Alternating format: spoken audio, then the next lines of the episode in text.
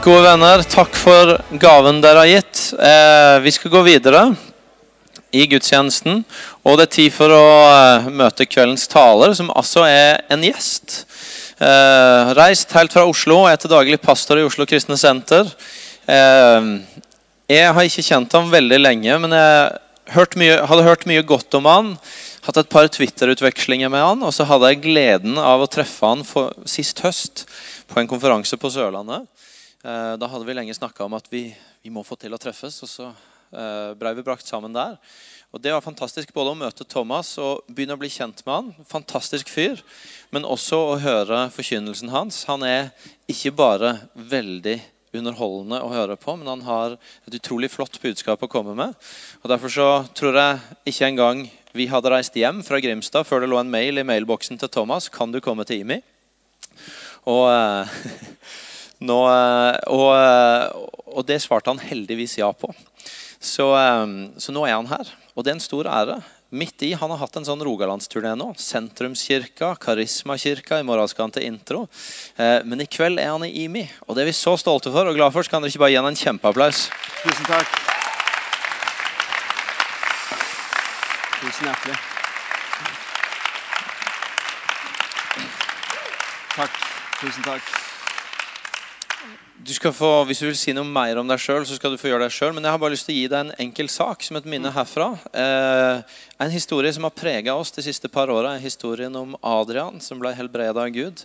Eh, og Den historien er så viktig og så sterk for oss at vi valgte å lage en dokumentarfilm på det. Eh, så Den vil jeg at du skal få med deg som et minne fra oss, og eh, som noe jeg håper kan bli til inspirasjon. Så, så vær så god. Tusen hjertelig takk. Og så er ordet ditt. Så bra. Hjertelig. Takk skal du ha. Ai, ai, ai. Tusen takk, og for en ære å være her. Det skal sies når du nevner alle disse her Rogalandskirkene, at det var jo dere som tok initiativet. da. Så kom alle disse her etterfølgerne og copycatsene. Og ja, der vil vi også ha en bit av kaka. Men det er, det er liksom her jeg skulle. Så det er nå det er klimaks. ikke sant? Det sier jeg de andre menighetene òg. Men nå er vi her. Og jeg har stor respekt for det som Gud har gjort i det huset her. Eh, og gjennom menneskene i det huset her. Så det er med en viss ydmykhet og enorm takknemlighet at jeg er her. Jeg pleier å bare være falsk ydmyk, men nå er jeg faktisk ekte ydmyk. Og det er kjempeflott. Og tusen takk for invitasjonen, og takk for æren av å få lov å formidle ordet i eh, den forsamlingen her. Og en av grunnene til at jeg har stor ærbødighet og ydmykhet, og alt, er at jeg har sett den derre The Fox-parodien som dere har på YouTube. Er det noen som ikke har sett uh, den? Du kan si at jeg, jeg, så den, og ja, jeg gikk en uke i bønn og faste etterpå. Jeg. Den fikk meg til å tenke på så mangt. Jeg vet ikke helt hva jeg skulle tolke det som, men det var gripende i hvert fall. Og her er vi. Og fantastisk å få lov å feire pinsen sammen med dere. Eh, jeg skal ikke holde typisk pinsebudskap i dag, men det kan være greit å bare si innledningen, som Elling var inne på også at eh, det er fantastisk å ha fått Den hellige ånd og kjenne at vi har i det livet med Gud en innlagt motor. Det er liksom ikke en sånn propell vi skal prøve febrilsk å dra i gang når vi ber, og når vi er med Gud og når vi er med hverandre. Men vi har faktisk fått en innlagt kilde, og det er det at Den hellige ånd kom. Det er liksom en sånn uh, turbo-injection som vi har fått alle sammen. Uh, og som gjør at vi slipper å dra i gang i egen kraft, men vi har noe som kommer fra himmelen, og som kommer fra innsiden. Det er bra å feire. Så eh, Kanskje dere hadde forventa også et typisk pinsebudskap, men jeg skal i stedet gå til Johannes evangelium, kapittel 8, og vi skal lese vers 3 til 11. Jeg skal ikke lese så veldig mye tekst, men vi skal ta og lese den teksten her sånn. Og det er en historie som kanskje mange kjenner. Ja, forresten, ettersom, mens du driver og slår opp i Johannes 8 eh, Jeg jo holder meg veldig mye på hjemmebane i Oslo. Vi er eh, pastorer for flere lokale kirker av OKS, og jeg har tre barn etter hvert. De har poppa ut som bare det. Og, eh, så det, vi er mye på Østlandet. Men nå, har jeg liksom fått lov å være litt her borte, og jeg har funnet ut uh, hvordan man skal koble med lokalbefolkningen i Rogaland hvordan man innleder en samtale, hvordan man kommer inn. Og det, det, går stort sett Jeg har funnet at malen går stort sett ut på det her at du innleder et møte med 'ja vel'. Og etter at du har sagt 'ja vel', så sier du et eller annet totalt, fullstendig, åpenbart obvious. For, som eksempel Ja vel, du er på IMI. Og det er liksom Det er en veldig fin måte å koble med, med mennesker, og man, man, klarer å innlede en samtale. Derfra ut vet ikke jeg helt hva jeg skal si, annet enn at jeg kan bekrefte at ja, jeg er på IMI. Ja vel. Blitt far. Kjekt. Ja, det kan jeg også bekrefte. Også, jeg får mange møter. Jeg blir ikke kjent med noen på dybden, men jeg får det der innledende ti sekundene med masse mennesker. Over til ordet og Skriften. Ja, ja, vi har ikke tid til det. Da kom de skriftlærde og fariseerne med en kvinne som var grepet i ekteskapsbrudd. De førte henne fram og sa, 'Mester, denne kvinnen er grepet på fersk gjerning', faktisk, i ekteskapsbrudd.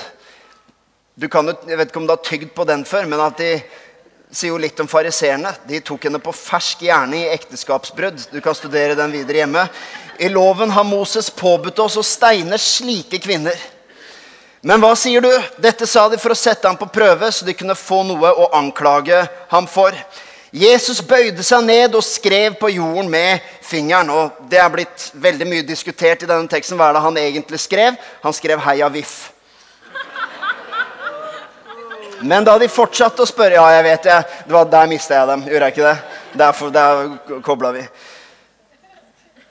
Men da de fortsatte å spørre, rettet han seg opp og sa, 'Den av dere som er uten synd, kan kaste den første steinen på henne.' Så bøyde han seg ned igjen og skrev på jorden. Da de hørte dette, gikk de bort én etter én, de eldste først. Til slutt var Jesus alene igjen, og kvinnen sto foran ham. De, da rettet han seg opp og spurte, 'Kvinne, hvor er de? Har ingen fordømt deg?' Hun svarte, 'Nei, Herre, ingen.' Da sa Jesus, 'Heller ikke jeg fordømmer deg. Gå bort og synd ikke mer fra nå av.' For en historie, og for en fortelling. For en utrolig mange mektige ting i den teksten her. Men det første som jeg har lyst til å peke på, er enkelt og greit det som jeg kaller nådens sjenerøse øye. Fordi det fariseerne gjør, det de skriftleide gjør i den teksten, det er det enkleste og mest åpenbare og ukompliserte øvelsen i verden. Det er nemlig bare å stadfeste hva du ser som er feil. Det er liksom bare å gjøre analysen av hva som ikke stemmer. De kommer og sier hva som kvinnen har gjort, hva, hvilken synd hun har gjort, og hvilken straff hun fortjener. Og det er det enkleste i hele verden, er å bare konstatere hva som er galt. Enten det gjelder samfunnet, kanskje det gjelder noe i familien, noe i kirka. Det er ingen som fortjener en nobelpris i matematikk fordi man har klart å observere seg fram til hva som ikke er bra. Som, og du trenger heller ikke Gud-faktor. Du trenger ikke Gud for å se hva som ikke stemmer. Og for å si hva som er galt og bekymringsfullt med samfunnet, trenger ikke Gud for å forstå det. Du trenger ikke engang Gud for å forstå hva som kanskje ikke alltid er bra i kirken. Det som krever Gud-faktor, det som krever åndelige øyne, det som krever Den hellige ånds innsikt, det er å se med nådefulle øyne og med trosfylte øyne. Å se med nådefulle øyne, det er å faktisk se forbi noe av det som er der, som ikke er bra. Og det å se med troens øyne er å se mer enn det du kan se med det blotte øyet. Jeg så akkurat det var reklame for troens øye. og det visste jeg ikke, men nådens øye og troens øye. Du skjønner, Fariseerne og mange mennesker, og kanskje deg og meg innimellom, det er så lett å bare ende opp som en dommer. Enten som pastor, som jeg innrømmer noen ganger. Helt ærlig. Her kommer min bekjennelse. Så er det lett å liksom bare ende opp som en sånn dommer av hva som er bra og dårlig. Det der fungerer, det fungerer ikke. De lederne der er fantastiske. De der må vi ta litt tak i. Den avdelingen der går så det gviner. Der sånn funker det ikke. Og så blir vi bare en dommer av rett og galt. Men det som er å se med nådens øyne og med troens øyne, det er å faktisk ha den åndelige selvbeherskelsen av å se noe som både opprører deg, og noe som du kanskje ikke står inne for, men å ha da selvbeherskelsen til å se forbi noe av det som er der, for å treffe hjertet til det mennesket.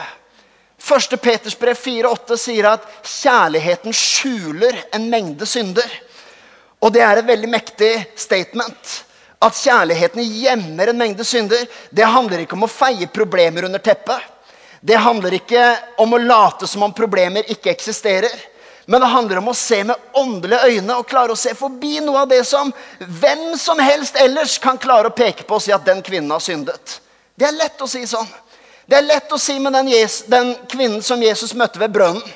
Den samaritanske kvinnen som hadde fem mislykkede ekteskap bak seg. Eller det vil si, hun var på vei inn i sitt femte forhold.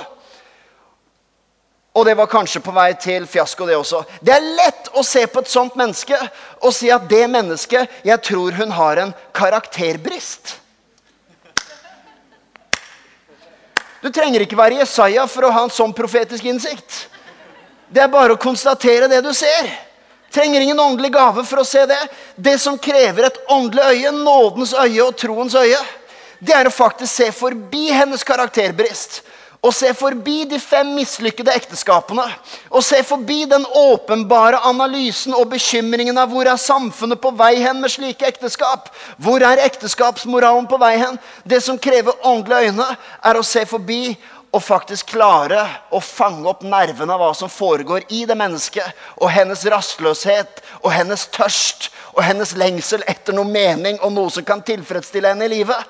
Og det å klare å se med nådens øyne og troens øyne og se forbi noe av det som er der, og troens øyne, og se mer enn det som folk flest kan se med det blotte øyet. Jesus ser f.eks. når han kommer inn og møter Sakkeus. Vi er på mange søndagsskolehistorier her nå. Når Jesus møter Sakkeus I den byen så er det en stor folkemengde, og det er mange mennesker med behov. Det er mange antageligvis både syke der, det er antageligvis mange fattige der, det er antageligvis tiggere der. Og så sitter Sakkeus oppi et tre, og Sakkeus var ikke en stakkarslig liksom, En mann det var veldig synd på, og et offer, og som egentlig liksom trengte masse omsorg og, og, hjelp. Han var jo egentlig en, en, rik mann, en som var overtoller. Et yrke det kanskje fantes en viss legitimitet for og aksept for, men samtidig et yrke sett på med stor mistenksomhet. Og et yrke hvor man ofte kunne liksom karre til seg en del ekstra, som Sakkeus hadde gjort. Kanskje ta i litt, men nesten som om han er byens mafialeder, som folk både forakter litt, men som de også er litt redde for.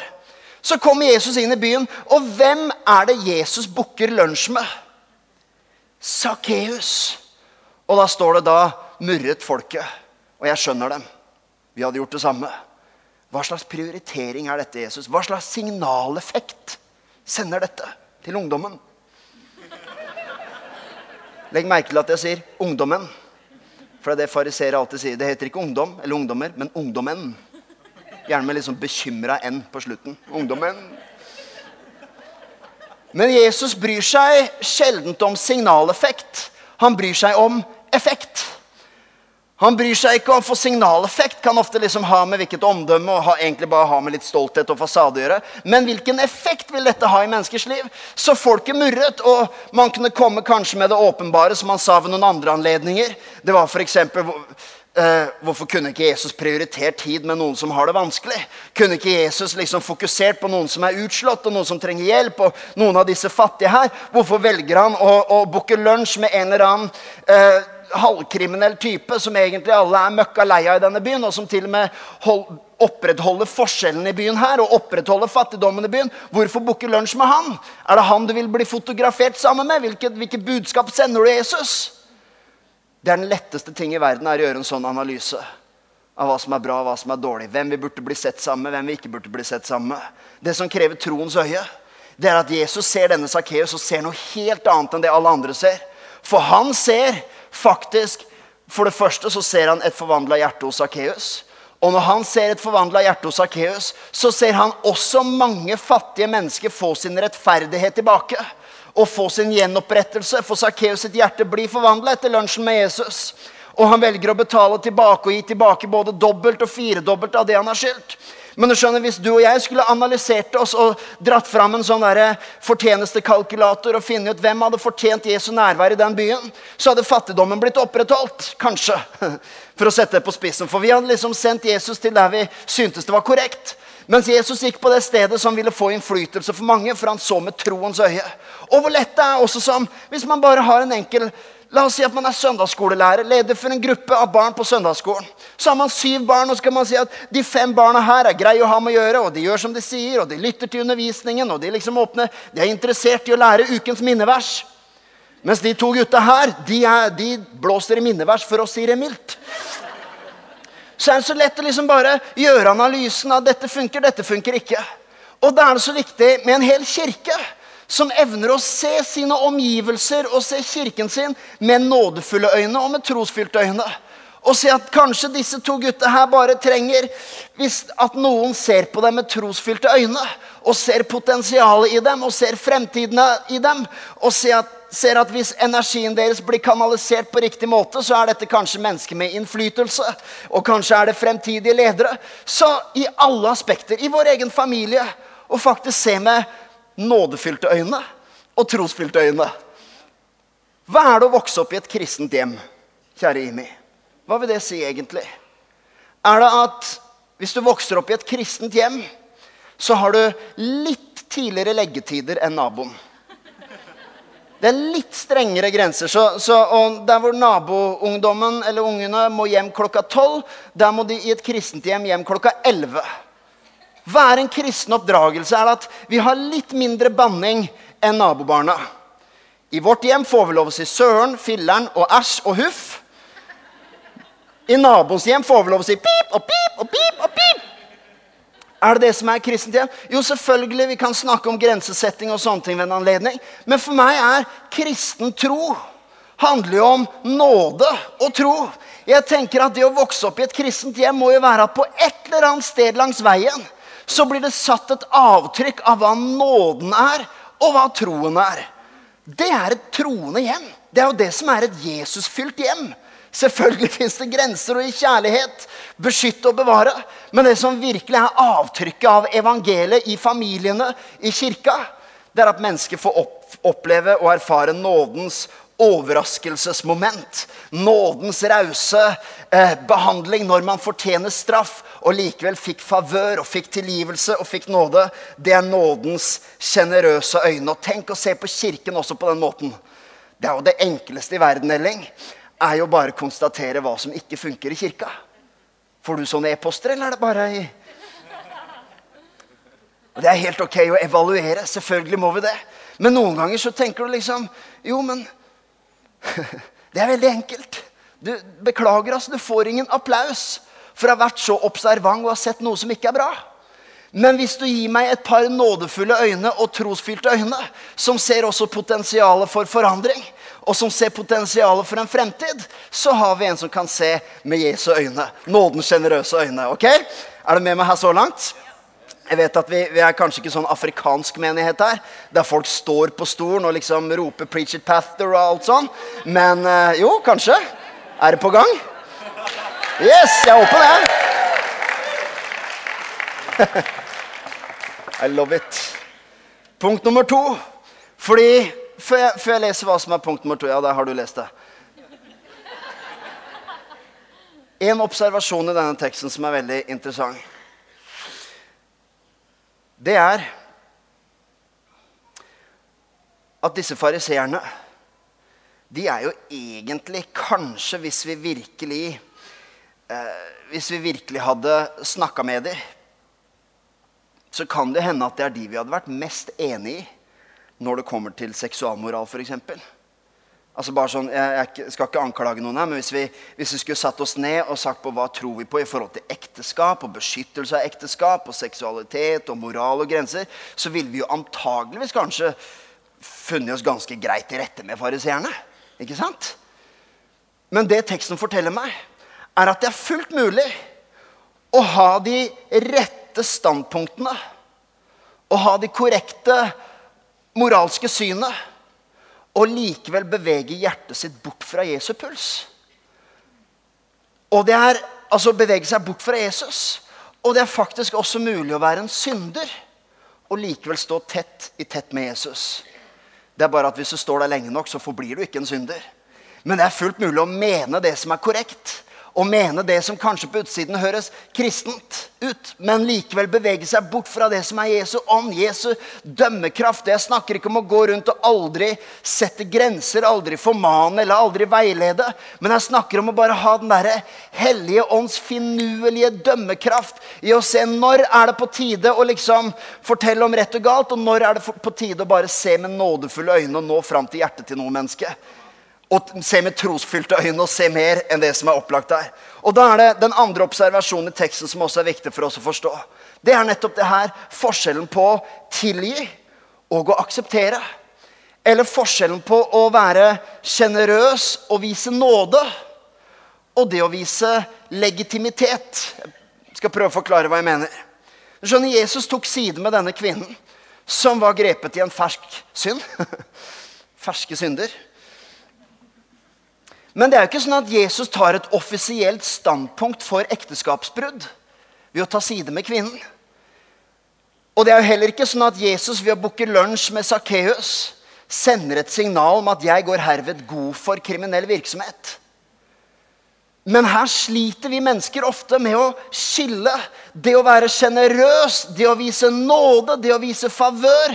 Så, så, er det et eller annet at vi har vanskelig med å skille hva et menneske gjør, fra et menneske er.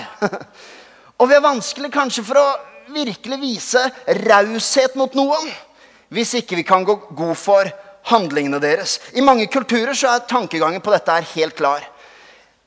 En handling som vi ikke kan akseptere, enten det er i lokalmiljøet eller i nasjonen, er det en handling vi ikke kan akseptere, så må den handlingen fordømmes og helst straffes.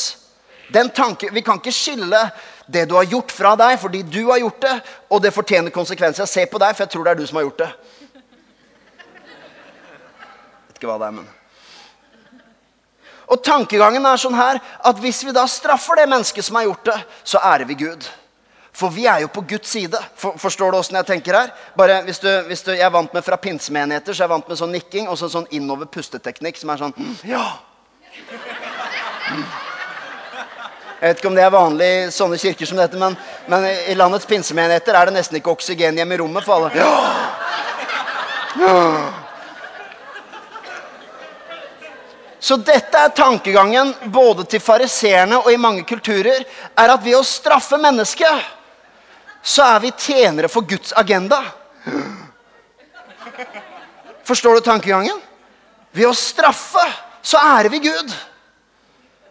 Og den tankegangen sitter tjukt hos fariseerne, og det er faktisk den testen de egentlig kjører på Jesus. hvis du leser nøye. Så vil du se at det er nettopp denne forståelsen av at Jesus, med all sin nåde og sin tilgivelse og sin raushet og sin godhet, at det faktisk er Gud han tjener. For de vil på en måte bevise at det er ikke Gud han tjener. For her er hva teksten sier. Dette er hva Gud har sagt. Her er paragrafen, her er loven, her er handlingen og konsekvensen. Så de føler de er Gud, eller antageligvis ikke, men de, de tror de tjener Gud på den måten. Og Jesus sitt svar er jo bare aldeles, aldeles genialt. Det ser ut som han er malt inn i et hjørne. At samme hva han sier nå, så vil noen bli misfornøyd. Men i stedet bruker han det hjørnet som plattform for å formidle evangelium. Og han sier det enkle budskapet. Ok, hvis dere vil bli dømt etter loven, så er det greit. Og da kan den av dere som er uten synd, kaste den første steinen. Hvis det er det nivået dere vil at vi skal basere dette her på, så er det helt ok. Men da er dere inkludert i straffen. Den av dere som er uten synd, kan kaste den første steinen.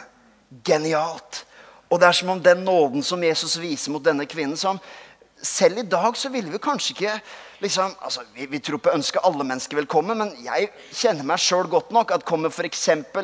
noen som har fem mislykkede ekteskap bak seg, så, så, vet jeg at hadde jeg hørt om det, om et menneske som var på vei inn i kirka, og inn i en life-gruppe eller inn i en, en, husfellesskap eller inn i et team, så ville jeg vært litt observant og tenkt liksom fem mislykkede ekteskap. Her kommer det en person uten karakter.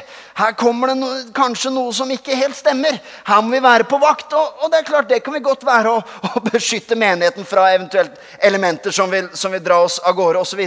Men nåden er nødt til oppi dette her å være litt kontroversiell. Den må være tydelig nok til at den provoserer lite grann. For ellers så blir den for søt og for pyntelig og pakka inn i fløte og sukker med en liten jordbær på toppen og blir litt grann norsk. Mens nåden den er heftig nok til at den provoserer og inkluderer nesten litt lenger enn det vi egentlig liker. Og jeg snakker ikke om at Gud har senka sine grenser. Det skal jeg straks forklare. Men det ligger i nådens natur. Det, det hender jo man kan tenke sånn at ja, det, er, det, er, det, er, kjempeflott med nåden, Thomas, men ikke, ikke for feil personer. men vet du hva? Nåden er ikke bare for feil personer, den er spesielt for feil personer. Vi kan kanskje sette det på spissen og si at nåden er kun for feil personer. For i det øyeblikk vi føler at Guds nåde Nei, jeg er virkelig rett mann for den. Den har jeg fortjent så er det ikke lenger nåde. Da er det fortjeneste. Så nåden er for den som enten har selvinnsikt nok i sin synd og i sin bagasje eller sin fortid til å forstå at jeg behøver en frelser. Jeg behøver nåde. Jeg er Uten Jesus er jeg ingenting. Uten Jesus er dette livet ganske tomt. Uten en evighet, uten en fremtid, uten at jeg blir gjort til en ny skapning og få lov å tilhøre ham, så jeg egentlig ingenting av det jeg har, vært noe. Det er en som er posisjonert for nåden. En som egentlig ikke fortjener det. Ja.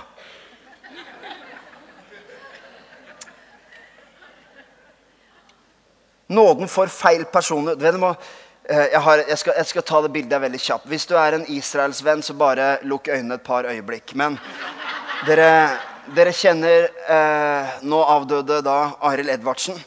Som, eller dere kjenner han jo forhåpentligvis ikke nå, da, på den måten. Nå er han med, med Jesus. Men eh, på et tidspunkt så møtte han PLO-leder Yasir Arafat, også nå avdød. Og det her var noe som falt mange kristne mennesker tungt for brystet. Hvordan kunne han møte han? Hvordan kunne han møte det som og Jeg vet jeg, jeg skal bare illustrere et poeng. Dette er ikke et politisk innlegg. Men, men mange for mange så var det Arafat representerte, PLO-leder, palestinernes leder Arafat, representerte på en måte motstanden av alt det de sto for.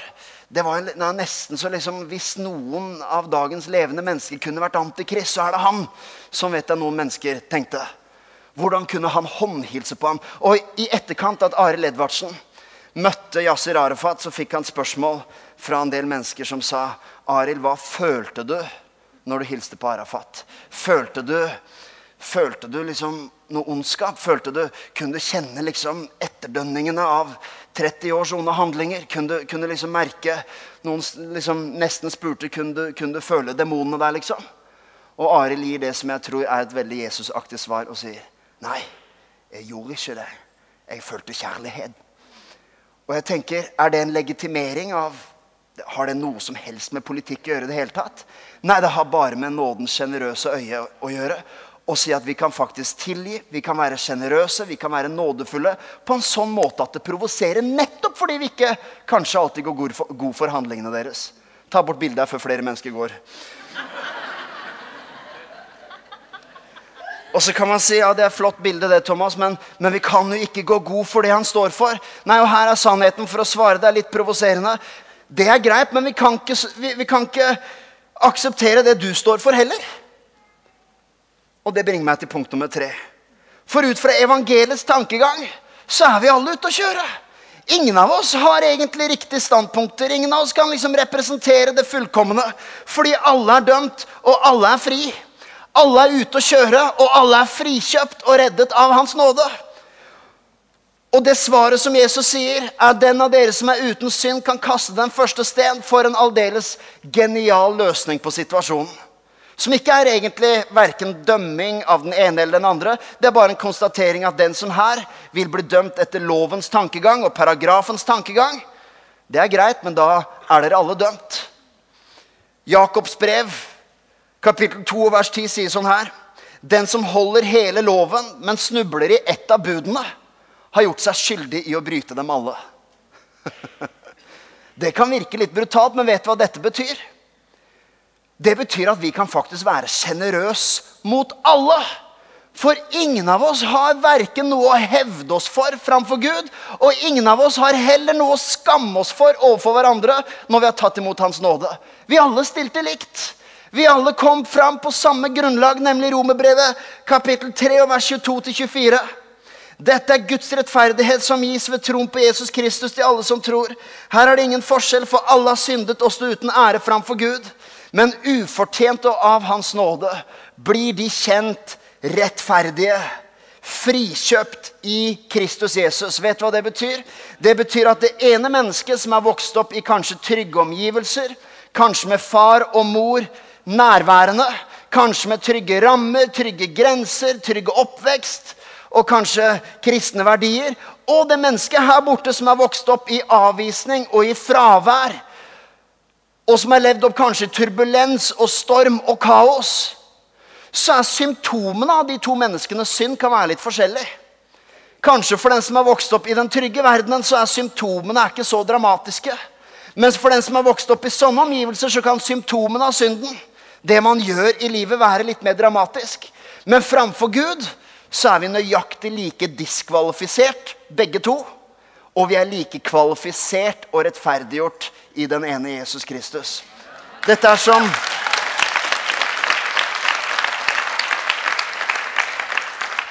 Og det, det gjør at vi kan, vi kan være sjenerøse mot alle. Det er som om Tenk på det mennesket som har såra deg mest og krenka deg aller mest i livet. Eller den største synderen du kan komme på akkurat nå. Det mennesket som provoserer deg aller mest. Ser det koker hos noen av dere allerede. Tenk på at det som har drevet den personen til den handlingen Kanskje, kanskje, vi til og med snakker om alvorlige ting som ikke bare er å fleipe bort, men noen som virkelig har krenket deg på en måte som man nesten ikke snakker høyt om. Tenk på at den synden, det som har leda de menneskene til de handlingene, er det samme viruset, samme sykdom, samme synd som egentlig har ramma oss alle sammen. Bare med ulike symptomer. Det handler ikke om rettferdiggjørelse av det de har gjort. på noen som er slags måte. Nei, tvert imot. Det handler om at vi må kunne se nåde uten å akseptere en handling. Det fins mennesker du kan tilgi uten å akseptere det de gjorde mot deg. Men bare forståelsen av at samme sykdom rammet oss. Det er som når den fugleinfluensaen kom, eller svineinfluensaen, eller jeg vet ikke hvilket dyr som kom sist. Ja. Men, eh, det, men mange tusen mennesker fikk den sykdommen, men bare noen få ble det livstruende. Mens for de aller fleste ble det bare noen vanlige forkjølelsessymptomer osv. Og jeg vet det bare at bildet med litt sånn er det med synd også. Alle mennesker har blitt rammet av viruset. Og for noen er den livstruende, for andre er den litt mer uskyldig. Tilsynelatende. Men alle trenger nåden. nå. la meg helt til slutt her, og vi kan sakte og sikkert så kan jeg få hjelp av, av, av bandet her. Det kan, om et par minutter kan dere få lov å komme opp. Få meg til å høres åndelig ut. Gjerne e-moll og a-moll. Pleier å funke veldig bra. La meg forklare deg Beklager. Det, det sen, begynner å bli slutten av helga nå. La meg forklare deg forskjellen på nåde og det verden kaller toleranse helt til slutt. Fordi Noen kan tenke ja, det her var fantastisk budskap, Thomas, nåde og, og alt sånt. Men er det ikke det samme verden sier? At ja, vi må tolerere mennesker. Vi, vi må liksom, Ingen må diskrimineres. Vi må, vi må, godta alle for den de er. Og jeg skal forklare deg, ja, det kan ligne. Men det er to fullstendig forskjellige ideologier.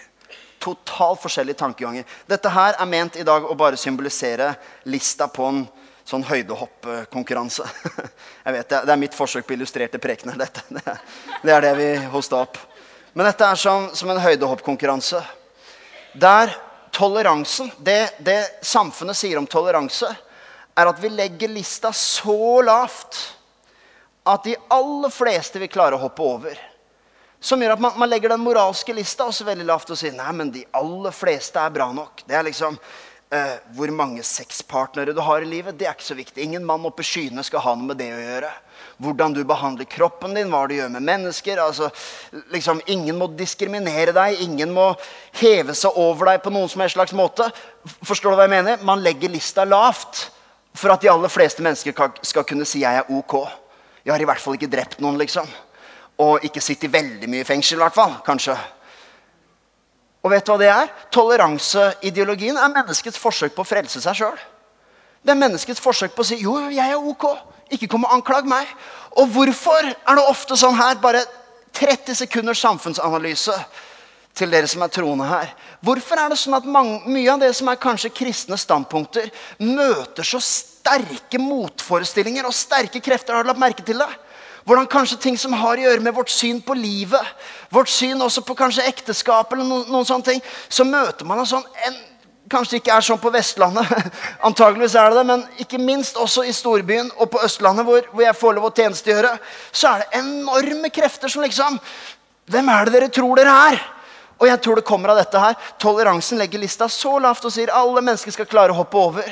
Så hvis du legger lista høyere og sier 'jeg tror på dette her', så føler man at du tror du er bedre enn meg.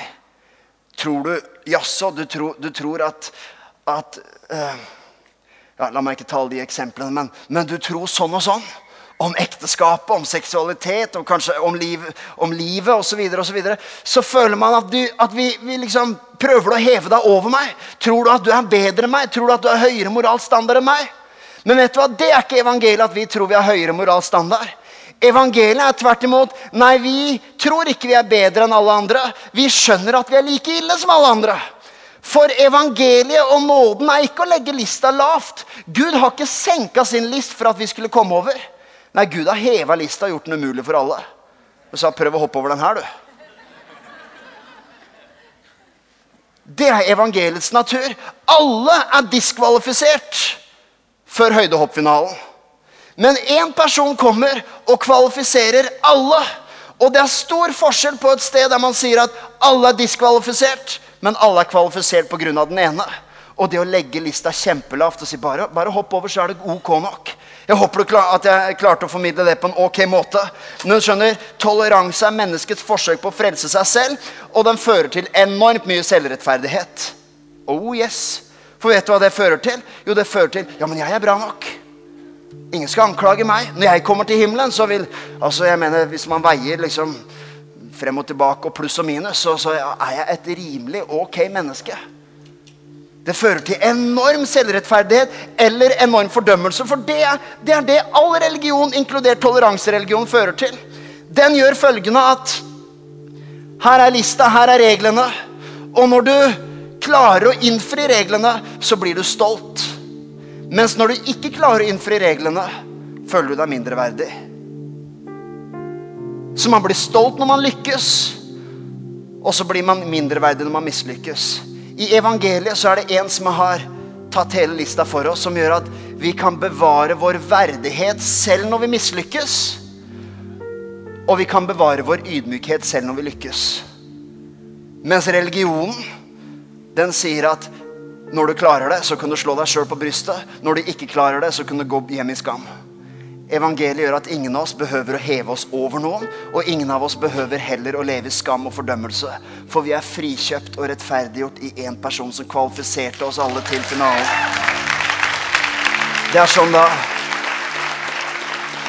Hvis du tar bilde av Sofie, dattera mi, så hun er en sånn ordentlig Jeg holdt på å si møkkaunge, det er ikke så pent å si, men hun, hun er på sånne flotte soldager som dette her så klarer hun likevel i barnehagen å finne den ene gjørmeflekken som har ligget der en ukes tid, eh, og rulle rundt i den og komme hjem fullt av møkk og skitt. Og jeg kommer kanskje litt sånn ordentlig kledd og skal hente henne, og hun faktisk veldig hyggelig, da, for hun kommer alltid løpende. 'Pappa!' kommer hun og løper og er klar for å gi meg en omfavnelse. Og jeg liksom Var det flott? Hei, du! Og er, når jeg skal gi henne omfavnelse, så er jeg liksom men du skjønner, når vi kommer til Gud og lar oss omfavne av Han, så er det ikke Gud som blir smitta av vår møkk. Det er vi som blir smitta av hans renhet. Gud blir verken skremt av din synd eller imponert over din moral. Men Gud smitter sin karakter over på oss, som gjør at vi både er ydmyke og verdige.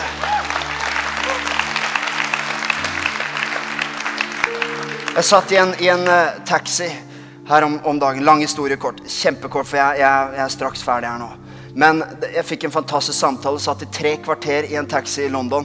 Det skal jeg aldri gjøre om igjen. Kosta nesten 1000 kroner. Men vi fikk en fantastisk samtale uh, som var helt enestående. Og, og, han var ateist. Hadde vokst opp i katolsk hjem, var nå ateist. Og han var litt sånn anklagende overfor Gud. Og det ene øyeblikk så sa han at um, uh, Altså, han mente at Han ville ikke ha noen moralsk dommer i livet. Det var ingen, ingen mann der oppe i skyene skulle ha noen påvirkning på hva som var rett og galt i hans liv. Det, han var fri, han var selvstendig. Så jeg mener bare det at, at liksom Han hadde ikke noen dommer i sitt liv. Men fem minutter etterpå så var han også provosert på Gud. Og det var fordi Gud ikke straffer ondskap. Kan du se selvmotsigelsen? Og jeg sa, vet du hva? Du må velge. Enten så må du håpe at Gud er en straffende Gud, og at du dessverre er inkludert. Eller så får du håpe at Gud er en nådefull Gud, og at de andre er inkludert. Enten så må du godta at nåden kommer fra Gud og gjelder deg, men dessverre også de andre. Eller så må du godta at Gud straffer, og da er du også med på den pakka. Du kan ikke være selektiv. Enten er Gud nådefull, og du er inkludert i det, eller så er han straffende, og du er inkludert i det.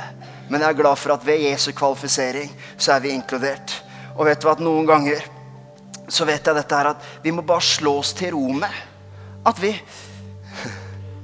Kjære, jeg, jeg, skal si, og Orker du to minutter til, så skal jeg avslutte. Jeg vet noen må hente barn og, og sånne ting, og føle deg helt fri. Du er dismissed. Men jeg må få lov å si det her til slutt, for jeg tror faktisk no, det kan sette noen mennesker fri. For noen ganger etter en, etter en søndag og sånn, så kan jeg si til meg sjøl at åh, jeg er ikke en god nok pastor. Det er veldig sjelden jeg føler det, men det hender. Jo, men seriøst, det kan hende man kanskje kanskje anledninger som virkelig gjør deg litt mismodig, og du føler at man burde ha kommet lenger, man burde ha klart mer og vokst mer. og sånt. Så føler man at jeg er ikke god nok som pastor. Og det er liksom den menneskelige reaksjonen Jeg legger bort den her. Den menneskelige reaksjonen det er å si jo da, du er kjempebra. Det var veldig bra preken. Det var helt supert. Kanskje hvis det er noen her som føler at Kanskje når man også kommer litt opp i åra, tenker jeg vet ikke om jeg var god nok forelder. Alle barna mine ble ikke bevart i troen. Jeg vet ikke om jeg var en god nok mor. Spesielt mødre kan tenke sånne tanker. Jeg vet ikke om jeg gjorde ting riktig. Kanskje det var min skyld at det ble sånn, at de tok de valgene og alt dette her. Så er ofte den menneskelige reaksjonen som er veldig ok, men det er å trøste og si jo da, du var fantastisk. Og den trøsten får jeg også. Jo da, det her var kjempebra. Topp preken. Men vet du, den største trøsten får jeg av og til når jeg går til Gud. Så sier jeg, Gud, jeg vet ikke om dette her er for meg. Faren min han, han gjorde ting så fantastisk bra gjennom nesten 30 år. Og jeg, jeg, vet ikke om dette her er for meg. Jeg vet ikke om jeg er en god nok pastor. Så sier Gud, nei, det er sikkert og visst at du ikke er. Det er nesten ubrukelig. Hæ? Ja, du er absolutt ikke rette person.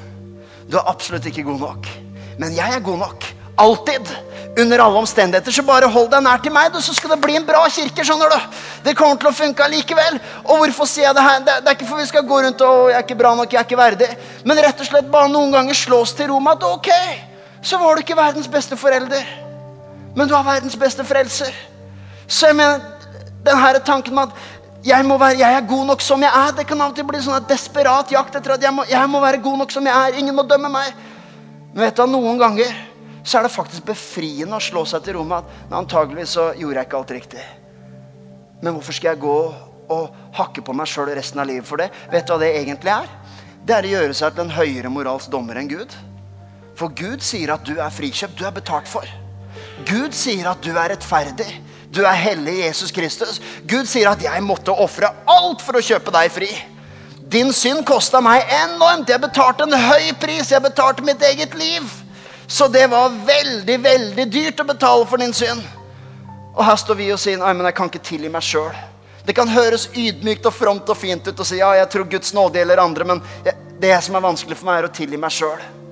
Jeg skjønner at det kan være vanskelig, men det er jo egentlig å heve seg over det Gud sier. Det er egentlig ikke ydmykt i det hele tatt. Du trenger å underordne deg Guds nåde. Noen ganger kan det å underordne seg liksom ha med hellighet og et stramt liv. Men noen ganger må du underordne deg det Gud har sagt om din rettferdighet. Gud sier at 'min nåde er nok for deg'. Og da trenger du, akkurat som du kan tilgi andre mennesker uten å akseptere deres handling, så kan du tilgi deg selv uten å akseptere nødvendigvis alle dine handlinger. Men hev deg over den ydmyke fasaden av at nei, men jeg kan ikke tilgi meg sjøl, og begynne å akseptere at Gud sier jo visst, jeg betalte så dyrt. Så ikke kom og si at det var bortkasta. Nei, Det var verdt det. Om du var det eneste mennesket på hele kloden, så hadde jeg fortsatt gitt alt. Så hadde jeg fortsatt betalt for den synden som kanskje du bar på, eller den bagasjen du bar på, eller den tilkortkommenheten og fordømmelsen du bar på. Jeg hadde fortsatt betalt alt bare for deg, for det ene mennesket. Og det gjør oss ydmyke og sier ok, wow, greit. Vi får tilgi både meg selv og andre. Jeg er ferdig, og jeg skal få lov å bare gi deg en invitasjon. Som jeg gjør hver eneste søndag. Alle gudstjenester som vi, som vi har oss på hjemmebane. Og det er til deg som aldri har tatt imot nåden på den måten vi snakker om her. Deg som kanskje aldri har kalt deg en kristen. Eller som kanskje har kalt deg en kristen formelt sett. Kanskje du til og med er døpt og konfirmert. og jeg uh, utfordrer ikke ektheten i det, men jeg bare sier kanskje du aldri har tatt imot Jesus på en sånn måte at han blir så dyrebar for deg at du til og med tør å kalle ham frelser. At det er som om Ok, Gud, hvis dette stemmer, hvis dette evangeliet er sant, hvis jeg behøver en som betalte for meg, så er jeg villig til å si tusen takk og invitere deg inn i livet mitt. Og rett og slett koble med Gud i dag. Koble med din pappa i himmelen. Begynne å leve et liv med han. Kanskje begynne å høre hans stemme til og med. Og tro på at han fins når du ber til han. Da har jeg lyst til å inkludere deg i en forbønn, og jeg skal ikke eksponere deg. Jeg skal ikke ta deg fram. Uh, og du skal ikke måtte gjøre noe som du ikke har lyst til. Men jeg skal be alle om å lukke sine øyne et lite øyeblikk over hele salen. Og gjerne også dere som står på scenen. Bare lukk øynene over hele salen. Så skal jeg spørre hvis du har lyst til å bli inkludert i en forbønn. Jeg skal bare be om at du får fred med Gud. Om at når du legger deg om kvelden, så skal du ha full visshet om at du er Guds barn. Og at du får begynne et liv med Han. Enten det er aller, aller første gang du våger å bruke et så sterkt ord som frelser. Eller du kanskje kommer tilbake igjen til Gud etter å ha levd langt borte. Mens alle øynene lukka, så skal jeg bare spørre Hvis du vil bli inkludert i min forbønn om å si ja, Gud, jeg har lyst til å leve videre med deg, bli kjent med deg, kan ikke du løfte opp hånda akkurat nå der hvor du sitter? Jeg har i hvert fall sett én og to og tre og fire og fem og seks og syv og åtte og ni. Bare hold de opp et lite øyeblikk, for jeg mister én, to, tre, fire, fem, seks og syv og åtte og ni og ti og elleve og tolv og tretten. Takk, Jesus Kristus. Takk for din nåde, Herre. 14. Hvis du, har, hvis, har, hvis du har hatt hånda oppe allerede, kan du ta den ned igjen. Og det hadde vært lett for meg nå å sagt at ja, nå er jeg fornøyd. Det var så mange som ga respons. Men jeg vet at fortsatt så er det noen hvor hjertet slår litt, og pulsen går. Kanskje du overhodet ikke hadde planlagt at du skulle gi respons på noe som helst i kveld. Men jeg vet av erfaring at noen trenger bare det ekstra halve minuttet på seg til å si jeg også vil ta det valget. Jeg også vil ta sjansen og si Gud, jeg kommer til deg. Kanskje du ikke forstår det intellektuelt, akademisk, men det er nok magnetisme, nok drakraft i evangeliet og korset og det Gud betalte, at du vil si OK, jeg tar sjansen. Så ikke løft opp hånda hvis du allerede har gjort det. Men hvis du har lyst til å henge deg på de 14 første her, så spør jeg en gang til om ikke du kan rekke opp hånda akkurat nå. Om det er noen flere her som ikke jeg fikk med ved første runde. Er det noen flere? Tusen takk. Gud velsigne deg, og Gud velsigne deg. Yes. Det kan kreve litt mot. Det kan koste litt. Gud velsigne deg der borte. 15, 16, 17. Det kan koste litt, men det er det beste som fins. Når jeg legger meg i kveld, så kommer jeg til å tenke på deg. Kommer til å tenke at jeg sa noen dumme ting, men det var helt ok. Fordi mennesket fikk lov å koble med Gud. Jeg spør aller siste gang om det skulle være én eller to til her. Og det er ikke fordi jeg ikke er fornøyd med at så mange har gitt respons, men jeg har ikke lyst til å bare i min iver stresse. Jeg vil bare gi deg en aller siste anledning, ti sekunder, før jeg skal slutte å mase på deg. Er det en eller to til som sier 'be for meg', Thomas? Jeg skjønner jeg også trenger fred med Gud. Det er skummelt, og det er skremmende, men jeg tar sjansen. Er det en til? Kan du få lov å løfte opp hånda di? Yes, tusen takk. Tusen takk. Gud velsigne dere så masse. Gud velsigne dere så masse. Amen. Du kan få lov å se opp her igjen. Og vet du hva jeg har lyst til å gjøre? Jeg vet at kanskje det er, jeg kjenner ikke bakgrunnen deres. Kanskje det er noen som har tatt det valget for aller første gang. Kanskje noen kommer tilbake igjen til Gud. Men jeg vet at det har kosta noe for noen. Og du skal få en heidundrende applaus og gratulasjon fra kirka på ditt møte. Yeah.